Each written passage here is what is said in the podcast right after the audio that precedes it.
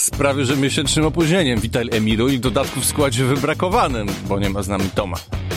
No nie ma z nami Toma, ale myślę, że we dwóch sobie poradzimy. Cześć Kuba, po dłuższej mm, przerwie.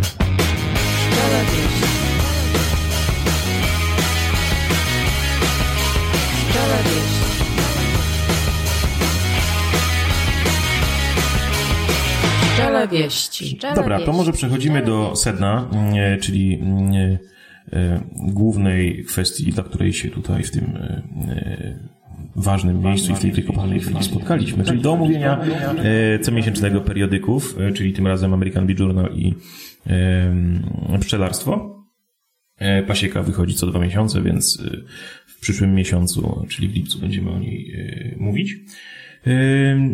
I może zacznijmy od e, pszczelarstwa. Ja przyznaję od razu mm, bez e, bicia, że y, nie mam 15-12 tekstów, tylko tam jeden, jedną, dwie kwestie, które sobie wybrałem e, i, i, o których parę słów chciałbym powiedzieć.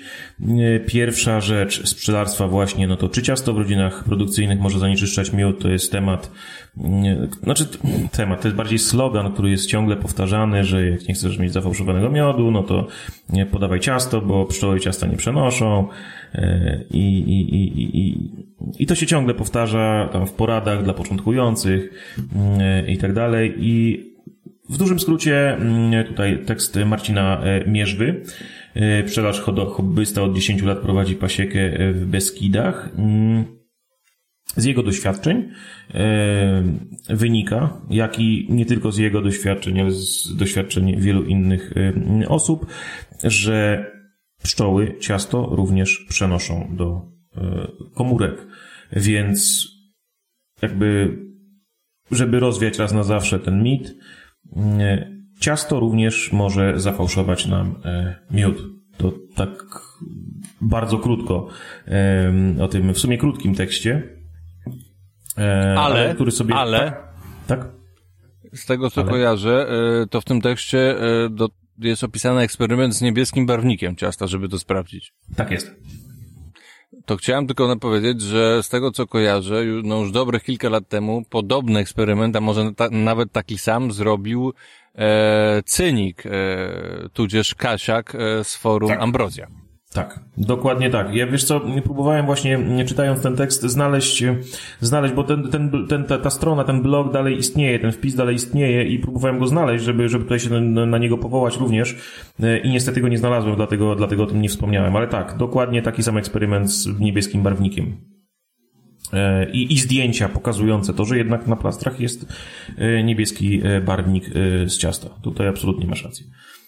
Dlatego też wspomniałem o tym, że jakby no, to nie tylko jest tutaj eksperyment y, y, pana Marcina, ale też, też innych, y, innych, innych pszczelarzy. Choć niestety można, obawiam się, Można powiedzieć, że jest to replik, replikacja eksperymentu wręcz. Tak jest. Choć obawiam się, że mimo tego, o czym my w tej chwili powiedzieliśmy, mimo tego, co, o, czym, o czym pszczelarstwo napisało, mimo tego, że już co najmniej kilka osób e, ten eksperyment przeprowadzało, to dalej ten mit obawiam się, że będzie powielany. Choć liczę naiwnie, że może gdzieś tam przynajmniej przez mniejszą ilość mm, osób niż, y, y, niż y, dotychczas. E, drugi tekst, który mnie zainteresował, mm, albo o którym chciałbym parę słów powiedzieć, to Matki z różnych mateczników. Dr Benedikt Polaczek, Wolny Uniwersytet w Berlinie, Instytut Weterynarii i Biochemii. Artykuł traktuje o, mm, o jakości matek z różnych mateczników. I tutaj są opisane mateczniki cichej wymiany, mateczniki rojowe, ratunkowe, no i, e, i hodowlane. E, bo jakby opinia jest taka, że no najlepsze matki są z mateczników cichej wymiany, tam, że w ogóle, że ratunkowe są najgorsze, e, a że w sumie hodowla matek polega w zasadzie na no, bazowaniu na matecznikach e, ratunkowych, no to znaczy, że na tych najgorszych i to jest w sumie też kolejna... Nie, kolejna nie, nie, nie, to logika rozumowania jest najczęściej chyba taka, że hodowane dobrze, czyli z tych larw tam jednodniowych i tak dalej są ok, ratunkowe są nie ok, bo mogą być na starszych larwach, mhm. a natomiast rojowe są też złe, dlatego że e, matka przenosi gen rojliwości w ten sposób. Czy, znaczy, znaczy, znaczy tak, tak, znaczy jakby tutaj mocno, mocno uprościłem, ale spotkałem się, spotkałem się z, z taką opinią, że właśnie, że, że w sumie hodowla matek odbywa się jakby w poprzez osierocenie rodzin, czyli są to, ergo, są to mateczniki. Starter, starter, y, starter reaguje ratunkowo, to prawda, w tej pierwszej mhm. chwili. No. no. tak, tak, tak, tak. No więc, więc ergo y, bazujemy na matecznikach ratunkowych, czyli tych gorszych, tak? Jakby tutaj z taką, z takimi opiniami tak. się Tak, tylko uzupełniłem twoją wypowiedź o rojowe, że rojowe są te złe z tego powodu. Tak, tak, tak. Więc tak, tak najlepsze tak, są ciche, moim zdaniem najlepsze, w powszechnej opinii są najlepsze ciche, a później hodowlane, dobrze hodowlane. Tak. Tak, tak, tak, tak. Choć tutaj... I wychodzą z nich idealne matki po prostu, nie? Nie no, zawsze. W każdym razie, yy, które matki są najlepsze? I tutaj zacytuję yy, końcówkę tego artykułu. Yy, aby odpowiedzieć na to pytanie, przeprowadzono badania, w których porównano wartość hodowlaną matek z trzech typów mateczników, rojowych, ratunkowych, a także hodowlanych. Holenderscy badacze nie zauważyli istotnych różnic między matkami tych trzech typów. Tymczasem naukowcy z niemieckiego Instytutu w Hohen Neudorf, Nündorf wykazali, że w matecznikach ratunkowych e, znaleźć można matki tylko po wybranych ojcach, co jest dowodem na to, że pszczoły potrafią doskonale rozróżniać larwy po najlepszych ojcach. W świetle tych faktów negatywne nastawienie pszczelarzy do mateczników ratunkowych jest nieuzasadnione. Czyli mateczniki są duże jeśli mateczniki są duże i pochodzą z rodzin o dobrych cechach, należy z nich skorzystać. Błędne jest też przekonanie, jakoby pszczoły budowały mateczniki ratunkowe na starszych larwach. E, po stracie matki w rodzinach pozostają jaja, choćby te, które e, ona złożyła w komórkach bezpośrednio przed tym zanim zginęła. Zatem przez cztery dni rodzina ma do dyspozycji larwy, które są dobrymi, dobrym materiałem do hodowli matki. Moim zdaniem najlepszą, najlepsze matki powstają w matecznikach cichej wymiany, o czym wspomnieliśmy. Natomiast mateczniki rojowe ze względu na sposób pielęgnacji i ratunkowe, ze względu na, y, że wyboru larwy y, larw pszczelich na matki dokonują robotnice, wydają się równorzędne. Czy zgadzasz się z tymi konkluzjami? Albo jakaś opinia na ich temat? Opinię mam na temat artykułu, na który też zwróciłem uwagi, taki, że mm, przytoczone są dwa badania i chciałbym, chciałem je sobie sprawdzić i niestety nie jest, nie ma podane nawet roku. Dokładnie tak. E, I w jakim czasopiśmie i no i pewnie to zrobię, ale no już jest to dla mnie jakieś tam utrudnienie. Może napiszę do tego pana, bo chyba jest podany jego mail. Mm, tak, jest podany. E, co do tej konkluzji, no tak nie za bardzo, bo nie rozumiem, co to jest, że no, rozumiem, że matki po wybranych ojcach, okej, okay, chciałbym to sprawdzić, mm, bo znam badania, które mm, moim zdaniem wydaje mi się, że tego nie wiadomo jak na razie, natomiast są pewne poszraki, że kin selection, czyli dobór krewniaczy akurat tutaj niespecjalnie działa w tym wypadku. E, natomiast ogólnie to jest raczej kwestia niewiadoma. Natomiast nie wiem, co to znaczy yy, po najlepszych ojcach. Hmm, nie wiem, co to jest najlepszy ojciec. Yy, znaczy, coś mi się wydaje, że to jest rozumienie pszczelarskie, pszczelarskie czyli pszczoły wybierałyby po prostu trudnia, który, które, który będzie prototypem matki, yy, którego matka wyprodukowana e, z jego nasienia będzie zbierała najwięcej miodu? Tak o to chodzi? Nie wiem. Trochę dziwne dla mnie zdanie. Emilu? Jak zwykle szczepiasz się szczegółów. Morał jest taki, że w sumie matki są okej. Okay. nie, no, no to po co, co przeczytałeś, no to po co przeczytałeś ten artykuł i zapytałeś mnie o zdanie, no. Ty rozumiem, że ły, łyka, łykasz, łykasz jak pelikan rybę, wszystko, tak? Wszystko, wiesz, wszystko co akurat, wiesz, to jest, wszystko co tutaj, wiesz, zgadza się z moim punktem widzenia, jest słuszne, niezależnie od błędów merytorycznych. Dobra strategia na przetrwanie, tak. No właśnie, no właśnie. Nie, wiesz co, za, tak, tak zupełnie serio, no to powiem, jakby wspomniałem o tym, o tym artykule, tak samo jak o, o poprzednim, troszeczkę tak jakby odnosząc się do, do, do, do kolejnego, do kolejnego, do kolejnego potocznej opinii, która krąży, tak? e, i, i, i, i gdzieś tam ten artykuł wydaje mi się troszeczkę próbuje z tym polemizować, choć tak jak wspomniałeś, to już o tym mówiliśmy w poprzednich podcastach, że no fajnie by było, jeśli, jak się cytuje jakieś badania, no to naprawdę to jest kurczę dwie linijki tekstu, e, żeby, żeby, żeby dać, dać źródło, tak? E, jaki to, który, który publikator o tym napisał, który rok i tak dalej. Nie, ale dalej też jest, że moim zdaniem najlepsze matki powstają z cichej wymiany. No ale co to znaczy najlepsze, najlepsze, najlepsze matki? Nie wiem, będą najdłużej żyły, będą najzdrowsze, będą, e, ich córki będą produkowały najwięcej miodu. No nie jest wyjaśnione, co to znaczy najlepsze. Nie wiem, co to znaczy najlepsze. A jeśli być może chodzi o to, że będą najbardziej długowieczne, to przy aktualnych trendach e, w tym, że i presji hodowców, żeby mm -hmm. właściwie wymieniać matki co roku, no to jakie to ma znaczenie? No, a, a druga kwestia jest taka, że ja wciąż ma, jest, troszeczkę jestem sceptyczny co do tego, że znaczy ja rozumiem, jeżeli będzie z jakimiś wadami, czy to mhm. genetycznymi, e, czy epigenetycznymi, czy wręcz jakimiś mechem, uszkodzeniami po prostu, które wyniknęły z, nie, z przypadku czy niedbałości pszczelarza, mm. no to mhm. jasne. Natomiast generalnie, jeżeli jakaś matka jest pod względem pszczelarskim dobra, a nie wybitna, no to mm. ciekawe, czy to zauważy przeciętny hobbysta, jestem ciekaw. Bo to może być czasami różnica w, jednych, dwóch słoikach miodu na przykład, nie? Mm. No tak, no tak, no tak. No, pszczelarz zawodowy, który ustawia wszystkie rodziny na średnią i tak dalej, ma dużą skalę porównania, robi notatki, no to po, faktycznie po kilku latach może sobie stwierdzić, nie, no tak matki, takie są lepsze. Natomiast mhm. zastanawiam się, czy, czy, czy wiesz, czy to hobbysta wyjmujący sobie tutaj, a to cichej sobie wyjmie, bo akurat mu się zrobił, a, a nie robiący po prostu, no nie wiem, całej serii po prostu takiej z roku na rok, no nie wiem, czy to w ogóle zauważy. Także jestem co to znaczy najlepsza matka? Mhm. Znaczy wiesz co, przerwę ci, absolutnie tego nie zauważy, ale, ale jednak nawet jeśli tego nie zauważy, to będzie powtarzał ten slogan, ten czy inny utarty slogan. To jakby tutaj te wiem, dwa teksty, które wybrałem, y, trochę się odnoszą do sloganów i, i powtarzanych teorii nie, niesprawdzonych. Wiesz co, tutaj to, to, do czego się odniosłeś, do tego moim zdaniem najlepsze matki powstają z mateczny, bla, bla, bla.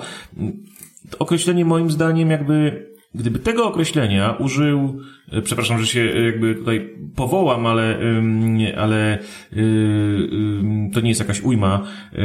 Gdyby takiego zdania użył Marcin Mierzwak, który pisał właśnie o tym zanieczyszczeniu miodu, który jest hobbystą, nie miałbym nic przeciwko temu, ale jeśli tutaj mamy, mamy sytuację, w której mówimy o doktorze Polaczku z Uniwersytetu w Berlinie, z Instytutu Weterynarii i Biochemii, no to mógłby napisać, że moim zdaniem na podstawie wieloletnich badań i obserwacji, tak, jakichś i konkretnych kryteriów, tak, no to wtedy, wtedy okej, okay, tak? No dokładnie, tak jakbyś miał napisać, tak jak miałbyś powiedzieć, że no właśnie, tak jakby toksykolog, wiesz, mówił coś o, o, toksy, o toksyczności, nie powołując się na konkretne LD50, wiesz, co ma na myśli, nie? Nie, no, nie, no, do, do, do, dokładnie, dokładnie tak, to jest, wiesz, no to jest troszeczkę tak, jakby, no ja, ja, zajmując się pszczelarstwem, mógłbym powiedzieć, że no nie wiem, moim zdaniem najlepszym samochodem jest y, Volkswagen czy, czy Opel. Pytamy pszczelarza o, ty, o, tego, o to, który samochód według niego jest najlepszy. No to mówi, No tak, ale e, Tomasz Kubicy, dla Tomasza, dla Tomasza Kubicy będzie inny dobry samochód niż dla kogoś, kto lubi Volkswagena Garbusa, no, ze względów nie no, estetycznych. nie no, oczywiście, mówimy tutaj o kryteriach, ale gdy, gdy, gdy mówimy o zadanie pytania i udzielenie krótkiej odpowiedzi, no to ja mógłbym odpowiedzieć moim zdaniem, tak? Ale gdy pytamy Kubicy, ale gdy pytamy Kubicy, no to on nie mówi moim zdaniem, tylko, tylko yy, dla moich potrzeb, bardzo konkretnie określonych, najlepszym samochodem jest ten i ten, dlatego i dlatego. Rozumiesz? Jakby tutaj... Tak, ale yy, Kubica to wiemy o co chodzi. Natomiast ty, jako, przepraszam bardzo, no, yy, w sumie e, przypadkowa osoba. no Przepraszam. Tak. Nie, no w każdym razie, gdybym nie zadał pytania, ale dlaczego tak jest twoim zdaniem, to właściwie to zdanie nic nie wnosi. I o to no. mi tylko chodzi, że no, zdanie, nie, że no, najlepsza tak, tak, matka, tak. moim zdaniem najlepsza matka z cichej wymiany nic nie wnosi. Ja nadal nie wiem, dlaczego ja miałbym to robić, nie? Dlaczego ja miałbym polować tylko na mhm. ciche, nie? No. Nie, no oczywiście, że tak. Oczywiście, tu się, tu się, tu się absolutnie zgadzamy. No właśnie to trochę, trochę o tym samym mówię, że jakby, Naukowiec nie powinien takiego zdania użyć. O. Choć tutaj może, nie wiem, bo jak rozumiem, pan e, Polaczek Benedikt nie jest Polakiem, więc to jest, jak rozumiem, tłumaczenie, chyba że się mylę. Nie, nie, nie wiem, nie wiem.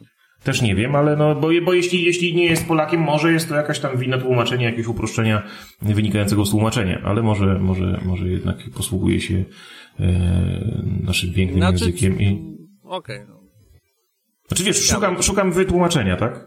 No może tego- pojawi się kiedyś jakiś inny artykuł, będziemy mieli ten w pamięci. Może Albo- albo się pan- do niego odnieść na ten temat, na ten temat. Tak jest, tak A jest. może pan Polaczek posłucha naszego podcastu i stwierdzi, że się odniesie. I wtedy nas, albo nas po prostu tutaj zniszczy za to, że...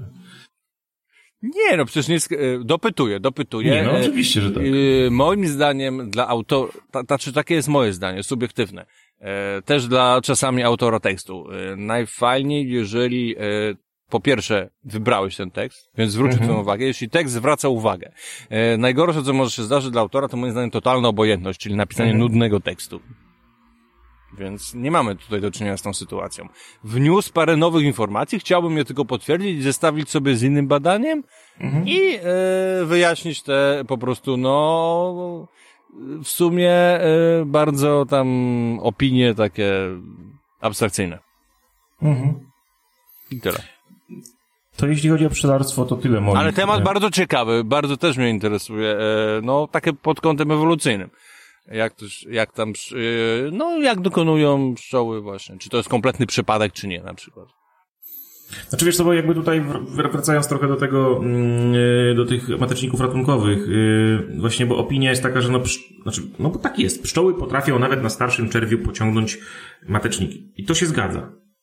Ale przy założeniu, że nie mają do dyspozycji młodszych, y, młodszych larw, tak? A dwa, że od założenia matecznika do czerwiącej matki, która tam się znajdzie, droga daleka. O tym, żeśmy ostatnio z Tomem rozmawialiśmy. Moim zdaniem, e, no, chciałbym takie badanie, wiesz, zobaczyć, że finalnie się sprawdza na grupie co, z ratunkowych, jakie matki tam latają.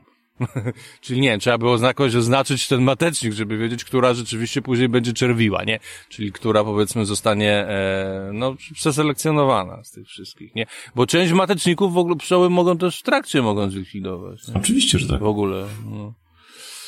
Także od założenia, no, są sytuacje ratunkowej, także, e, wiesz, a od, od, od tej sytuacji ratunkowej do, do finalnego sukcesu, no, droga daleka i tam się różne rzeczy mogą wydarzyć. Zgadza się. To tyle, jeśli chodzi o moje mm, y, wyimki z y, pszczelarstwa. Mhm. No to przechodzimy, Emilu, w końcu do...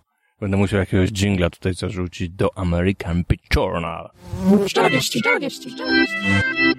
Takie artykuły, które są zaczątkiem właściwie do takiej dyskusji, którą może będziemy prowadzili następnym razem.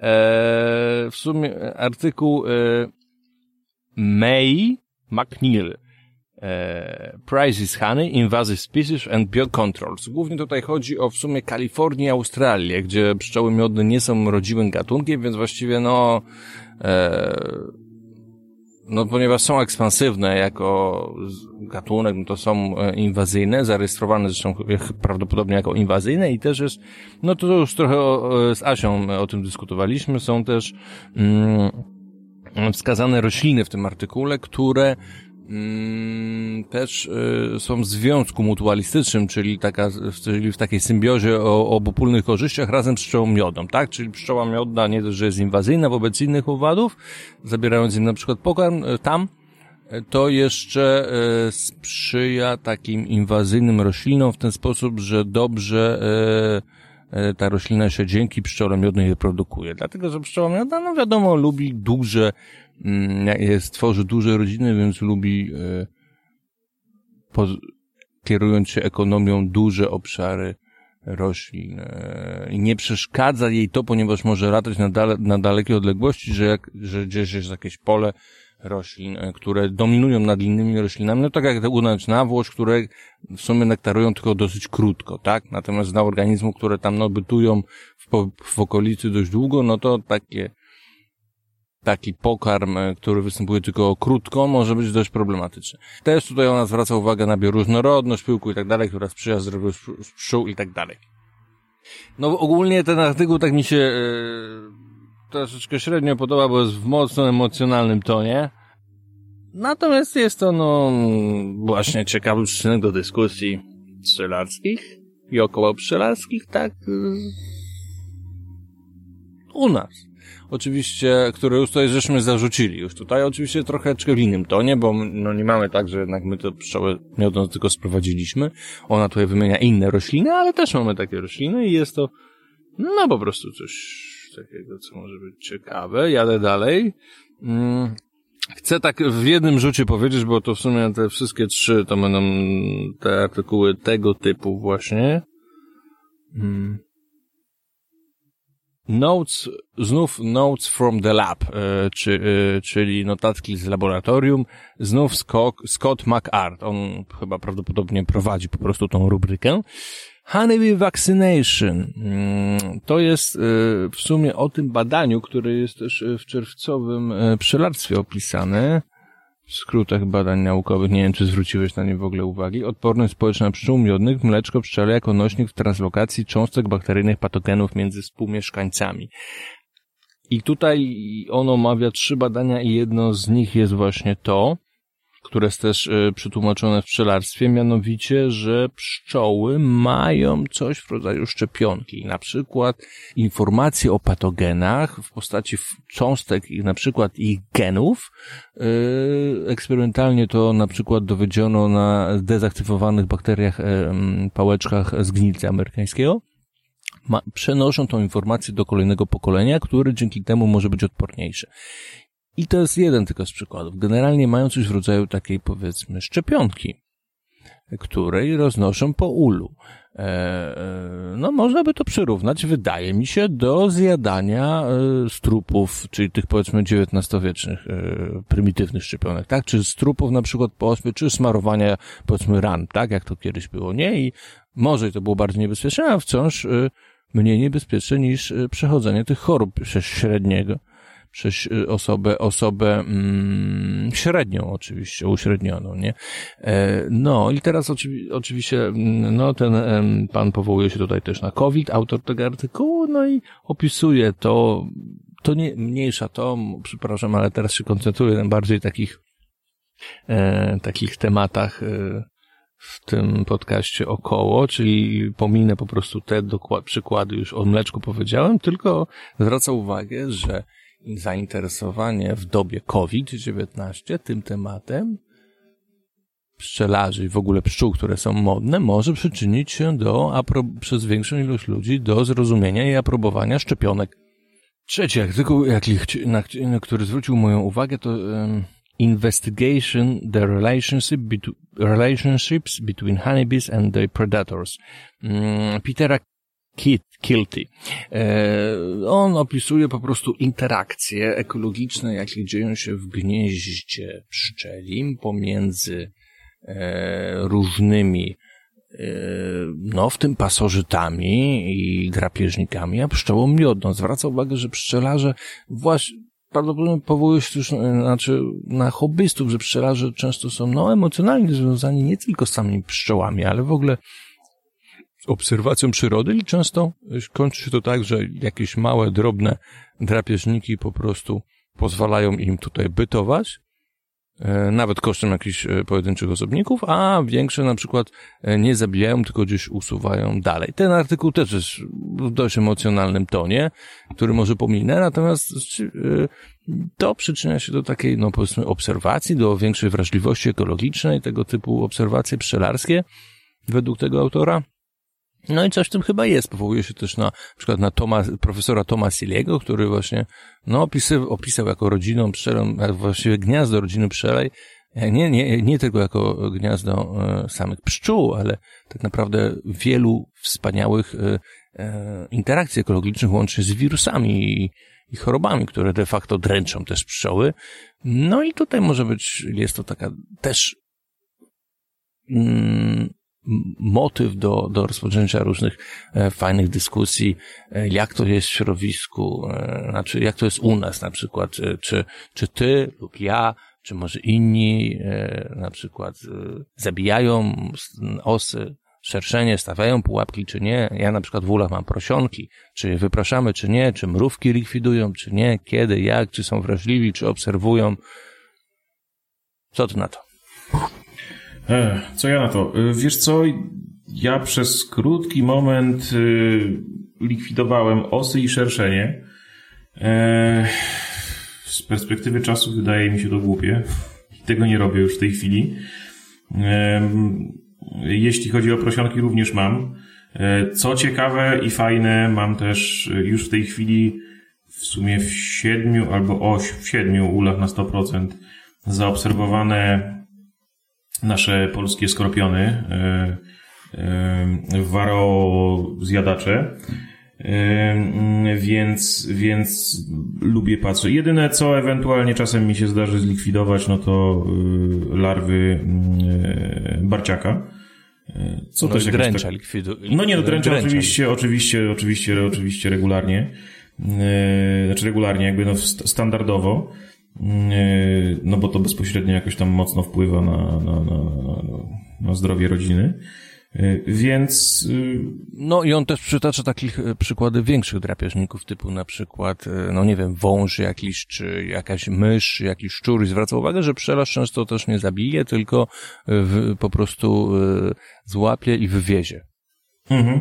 Znaczy, jeśli chodzi o, wę, wę, o, o, różnego rodzaju jaszczurko, jaszczurko wężowate, no to na tej pasiece, którą mam pod, y, przy lesie, w zasadzie w lesie, no to tam tego jest całkiem sporo. Tam mam, to jest takie dość kamieniste miejsce, więc tam na kamieniach często się wygrzewają, ale to fajnie, mogę sobie poobserwować podczas przeglądów. E, do uli mi jeszcze nie wchodzą, więc nie wiem, jakbym zareagował. Jeśli chodzi o... No, ale my, myszy wchodzą jednak tutaj pszczelarzom, nie? Tak, to prawda. Choć zdarzyła mi się taka rodzina, co prawda to była rodzina odzyskana, chyba o tym kiedyś wspominałem, choć nie wiem, czy w podcaście e, po pszczelarzu, który się przestał pszczołami zajmować. Jedną rodzinę się z wielu, które, nie, które nie przetrwały, jednak została. No to przywiozłem i przywiozłem, jak się potem okazało, rodzinę yy, i pszczelą, i rodzinę mysią. Tak sobie zagospodarowały to mm, te stworzonka, jedne i drugie, że podzieliły się troszeczkę e, w sumie gniazdem, znaczy coś, czymś, co było pierwotnie gniazdem pszczelim e, i, i pszczoły jakby zagospodarowały sobie kawałek, e, w którym sobie żyły spokojnie, a pszczoły sobie całą resztę i, i, i nie było konfliktu, tak? I to wyglądało naprawdę na zagospodarowanie. Szkoda, że zdjęć nie robiłem, ale na takie, na takie, może nie symbiozę, ale takie, takie mieszkanie w szeregowym domu, tak? Dwóch, dwóch y, stworzeń, które się, mm, które się gdzieś tam niekoniecznie lubią, ale, ale nie, gdy, gdy sobie nie wchodzą w drogę, mogą sobie żyć w jednym, w jednym, w jednym budynku, że tak powiem. Więc, więc też taka, taką, taką mam e, e, obserwację. Choć tak mówię, standardowo nie zdarzyło mi się jeszcze, żeby mi jakieś tam i tu e, też jest, tam wchodziła. Tu mhm. też jest, to też chyba mm, jakoś koreluje z tymi e, podziałami, o których dyskutowaliśmy. No bo wydaje mi się, że jeżeli e, byłyby jakieś takie do mm, odkłady. Ktoś by był producentem odkładów po prostu dużej ilości i, byłoby to jego zawód i widziałby, że to ma po prostu szerszenie na przykład, no tam Zamęczają. na jego pszczoły. Mhm. Znaczy, jest większe prawdopodobieństwo, że ktoś taki będzie stosował no, pułapki, niż powiedzmy hobbysta, który stwierdzi sobie, a nie chcę tam, zjadają. Nie, no oczywiście, że właśnie gdy zacząłeś o tym artykule mówić, to pierwsze, co mi przyszło do, mm, do głowy, to powrót do tego, o czym wspominaliśmy już kilkukrotnie e, dziś, czyli do tego, że jakby no, tu znowu rachunek ekonomiczny, tak? Dopóki, dopóty, dopóki te, mm, te inne e, e, zwierzątka, mówiąc kolokwialnie, nie wchodzą jakby tutaj w paradę rachunkowi ekonomicznemu e, pszczelarza, no to jest wszystko w porządku. W momencie, gdy zaczynają wchodzić, no stają się intruzami i są eliminowane. Chociaż nie, nie wiem, jak jest w realu, ale w internecie sprawia to wrażenie, że pułapki akurat na osy i szerszenie są dość popularne na pasiece. Tak, tak, to prawda, to prawda, to prawda. Choć czasem, wiesz co, to jest tak troszeczkę z rozpędu, yy, że no widzimy i, i, i w ogóle i, i wtedy po prostu, bo na pewno zaszkodzą, bo na pewno i w sumie no wtedy tak, są... ale, o, o, ale, ale wtedy się pojawia ta pułapka, więc jednak te pszczoły, znaczy właśnie, tam nie tylko przecież osy, liną i szerszenie, tylko pewnie masa różnych fajnych owadów. Tym... Nie, no właśnie to chciałem, właśnie to chciałem, znaczy właśnie to chciałem powiedzieć, że wiesz, no często jest tak, że te osoby, które mm, stosują pułapki na osy szerszenie, w cudzysłowie tylko osy szerszenie, ale tak jak powiedziałeś, bardzo wiele innych stworzeń tam się tam ląduje, jednocześnie posiada y, na swojej pasiece lub w jej najbliższej okolicy y, domki dla dzikich zapylaczy, tak? Gdzie część tych dzikich zapylaczy ląduje w takich pułapkach. Więc to jest tak trochę, no, trochę nieprzemyślane, mówiąc krótko. Y, I z takiego troszeczkę rozpędu robione. Mhm. Tym bardziej, że sama osa również jest, może być zapylaczem. Tak jest, tak jest, tak jest. No, i, i, i pomimo, pomimo, jest, pomimo, że jest wszystko żercą, nie? W odróżnieniu od pszczoły, ale, ale może być. Nie, no tak. Tak, no i, no i przyczymy przy tym też, no mówimy o osa, ale no, to, to nie jest tak, że jest tylko jedna osa, tak? Tylko mówimy ogólnie o osowatych, które, co jest, co, co, co jest dość, dość, duży, dość dużym wszechświatem, tak, tak gatunkowo, także, Także tutaj tak, no, i to dość, dość, dość czasem bardzo ciekawe osobniki, bardzo ciekawie wyglądające. No właśnie, więc y, słusznie podejrzewałem, że ten artykuł jest dobrym takim mm, przyczynkiem. Nawet jeśli jest napisane w tonie emocjonalnym, tak, przyczynkiem do różnych sobie dyskusji, obserwacji. No i te poprzednie też, nie wiem czy kojarzysz, y, czyli przeczyta, czyli mm, o szczepionkach, nie wiem, co sądzisz na ten temat? Czy, może, czy można iść tą drogą rozumowania co autor? Hmm, znaczy... Yy...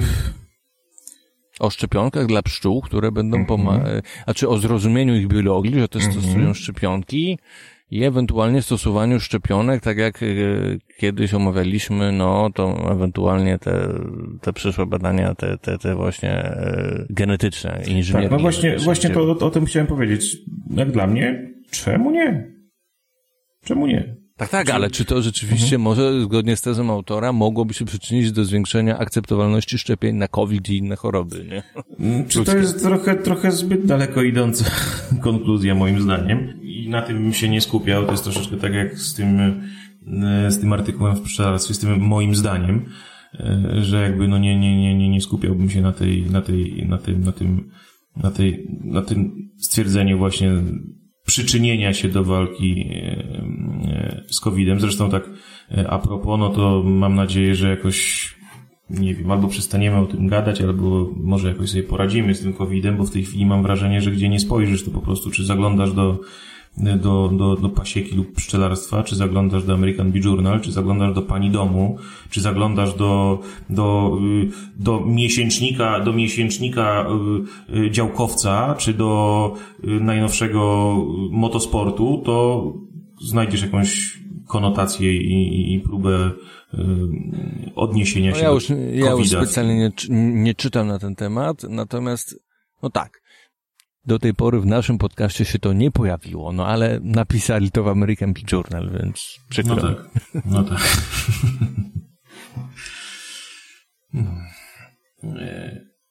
Nie, no, no masz rację, też mnie COVID nudzi i w ogóle te trzy artykuły są takie właśnie, no troszeczkę są na inne i takie bardzo emocjonalne, nie? Także dość specyficzne, ale no częściowo mi się wydaje, że prawdę, prawdę zawierają. No tak, no. Jeszcze ten pierwszy artykuł, gdzie autorka wypowiada się o, o roślinach inwazyjnych i tak dość mocno inwaz, yy, inwazyjnie, dość mocno emocjonalnie się tam wypowiada. E, twier- zauważa też, że wiele ludzi no, nie lubi tych roślin inwazyjnych, a pszczelarze je lubią e, mm, e, i wręcz pomagają im się rozprzestrzeniać, bo przecież dzięki nim też produkują spore ilości miodu. No właśnie, mają inny system wartości i ona na to tak bardzo narzeka, nie? Także mówię, no, te artykuły akurat, no, tak wybrałem, żeby ludzie zobaczyli, że, yy, usłyszeli raczej, jeżeli takie emocjonalnie się w American Journal zdarzają, że, że ten światek amerykański nie jest tak znowu różny od naszego emocjonalnego świadka polskiego. No nie jest. To akurat, akurat absolutna absolutna racja. To ja wiesz, co wybrałem w American Bee Journal. Bardzo fajny artykuł. Nie będę się roz, rozpisy, roz, roz, rozgadywał na ten temat, ale e, w American Bee Journal jest taka seria w ogóle Bees and Beekeeping Past and Present e, i mm, mamy to, to jest druga część artykułu, druga, druga część e, artykułu mm, dwuczęściowy Antique Miniature Hives Show the Development of American Hives. Tutaj są mm, takie dość ciekawe konstrukcje uli szafkowych opisane łącznie z em, wymiarowaniem, rysunkami technicznymi. Jeśli ktoś e, lubi historię pszczelarstwa i, różne właśnie ciekawe, stare wynalazki e, pszczelarskie, to te mm, ule szafkowe naprawdę, mm, naprawdę bardzo ciekawa, mm, bardzo ciekawa i fajna, fajna rzecz. e, opisana, opisana właśnie e, w tym artykule i tutaj początki gdzieś tam tych konstrukcji sięgają jakiegoś tam 1850 e, roku, więc dość, dość stara mm, rzecz. Mówię, no tutaj nie ma za bardzo na czym się mm, rozgadywać, ponieważ no, ciężko jest, ciężko jest bez, aud, bez, bez, bez wideo, bez zdjęć omówić. Chciałem jednak o coś zapytać. Słucham cię. Odnośnie tych uli. Zawsze mnie ciekawiło, rzeczywiście e, pod względem stolarskim e, te stare konstrukcje są, są piękne często, ale zawsze mnie ciekawiło, jak do jasnej anielki tam się obsługiwało zresztą takie pszczoły, o jakich mówiliśmy, czyli raczej kundlowate, e, ro, nasze tutaj e, rodzime, e, mocno propolisujące. To jest tak jak obchodząc się z jeżem delikatnie.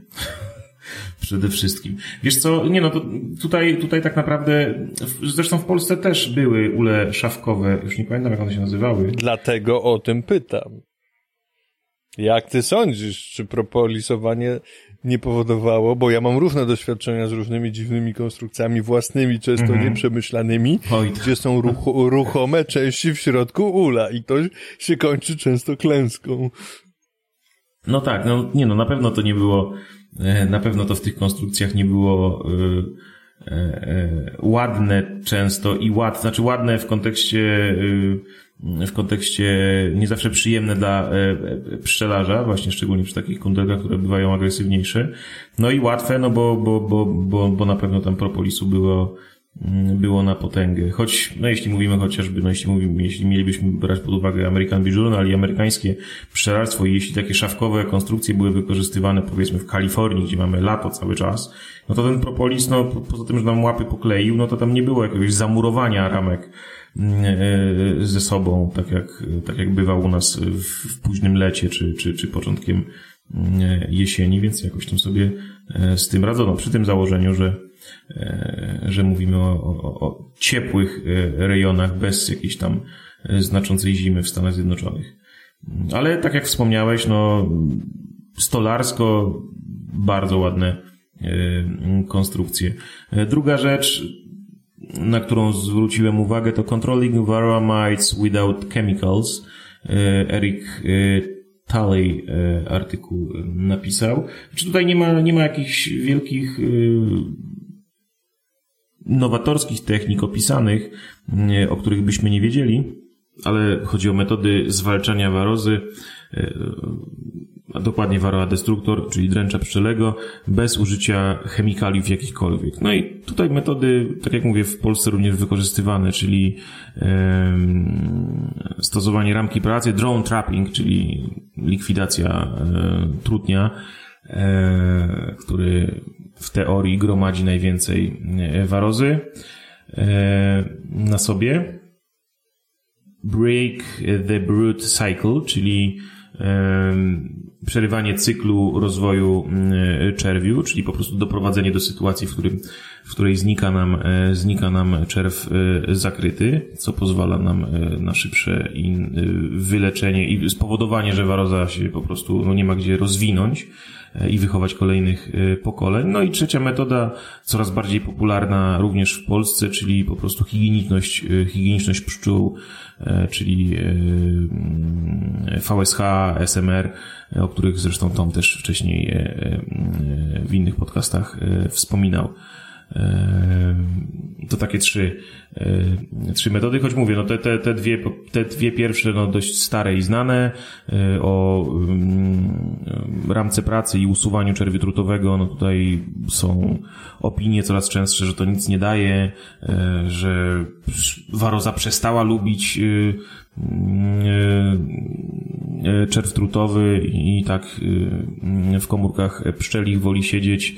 Ja się z tym do końca nie zgadzam, choć nie mam na to żadnych badań, więc mogę, sobie gadać. No, ale metoda właśnie tutaj hodowania i, i, i posiadania pszczół, pszczół yy, yy, higienicznych jest no tak, to... tylko że to nie jest metoda zwalczania. Znaczy te cechy higieniczne to nie jest metoda zwalczania oczywiście.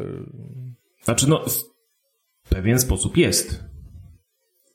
No bo pozbywasz się dręcza pszczele, znaczy pszczoła się sama pozbywa no, dręcza. No tak, no właśnie, czyli to nie, no okej, okay, no trudno to nazwać metodą leczniczą, to, to jest cecha pszczół, nie? No tak, ale selekcjonujesz pszczoły y, y, i, i jakby dostarczasz taki materiał genetyczny, który tę cechę posiada, więc, więc w tym kontekście jest to yy, jakaś tam metoda walki z, z no, no, no, no okej, okay. można powiedzieć, że jest selekcjonowanie tak. Yy, tworzenie projektów EURBEST jest metodą walki. Okej, okay, no, okej. Okay. No, to tak. Yy, I kolejna rzecz, miałem w sumie o niej nie wspominać, yy, ale tak mi yy, przyszło teraz na koniec na myśl. W tej serii, do której się też wcześniej już kilkukrotnie odnosiliśmy, pytań i odpowiedzi. Tutaj Swarming with Virgin Queens. Ktoś pyta o właśnie rojenie się pszczół z matkami nieunasiennionymi, no i że ma taki problem. I tutaj mm, samo pytanie i, i, odpowiedź też dotyczy właśnie tego, jak sobie radzić y, z nastrojem rojowym, y, jak czy po wyrojeniu się, czy, czy, czy, czy, czy, czy, czy robiąc odkład z matką starą, czy zostawiać wszystkie mateczniki, czy zostawiać tylko dwa mateczniki, a może zostawiać tylko jeden matecznik. No i tutaj nie, autor nie udziela jednoznacznej odpowiedzi, choć radzi bo tutaj osoba pytająca mówi o sytuacji swojej, czyli posiadanie, posiadanie pasieki w przestrzeni miejskiej lub mocno zurbanizowanej, no i taka wychodząca rójka, no w takiej przestrzeni, no może komuś tam zaszkodzić albo komuś może przeszkadzać, więc, więc a biorąc pod uwagę realia Stanów Zjednoczonych, to może się wiązać z jakimś pozwem sądowym i, i batalią sądową wielotygodniową czy wielomiesięczną, więc, więc pytanie jest zasadne. No i tutaj autor odpowiedzi mówi o tym, że no zazwyczaj zostawia dwa mateczniki, e, ale tej osobie, z racji tego, że no gdyby jeden z tych mateczników był wadliwy, no to ten drugi będzie, mm, będzie ok, a gdy zostaną dwa, no to teoretycznie ta matka pierwsza, która się wygryzie, powinna zgryźć matecznik, co nie zawsze ma miejsce, to tak mój, mój ale tej osobie właśnie, która w tym zurbanizowanym miejscu ma ul, ule, poleca y, raczej zostawianie tylko jednego matecznika, co sprawi, że raczej nie wyjdzie taka rójka y, z nieunasiennioną matką, ponieważ lepiej jest zaryzykować ewentualne zostawienie waldliwego matecznika i potem ewentualnie podkładanie matki, niż zaryzykowanie tego, żeby rój, że rój wyjdzie i komuś może krzywdę zrobić, no a poza tym też, że stracimy sporą część pszczół. Dobra, to by było na tyle, jeśli chodzi o y, nasz y, dzisiejszy podcast. Mam nadzieję, mamy nadzieję, że się podobało i że dotrwaliście do końca. Oczywiście subskrybujcie, lajkujcie, komentujcie, dyskutujcie, wytykajcie nam błędy i babole. Dobra, trzymajcie się, pa! Cześć, hej, do następnego, Cześć. pa! Hej. 40, 40, 40.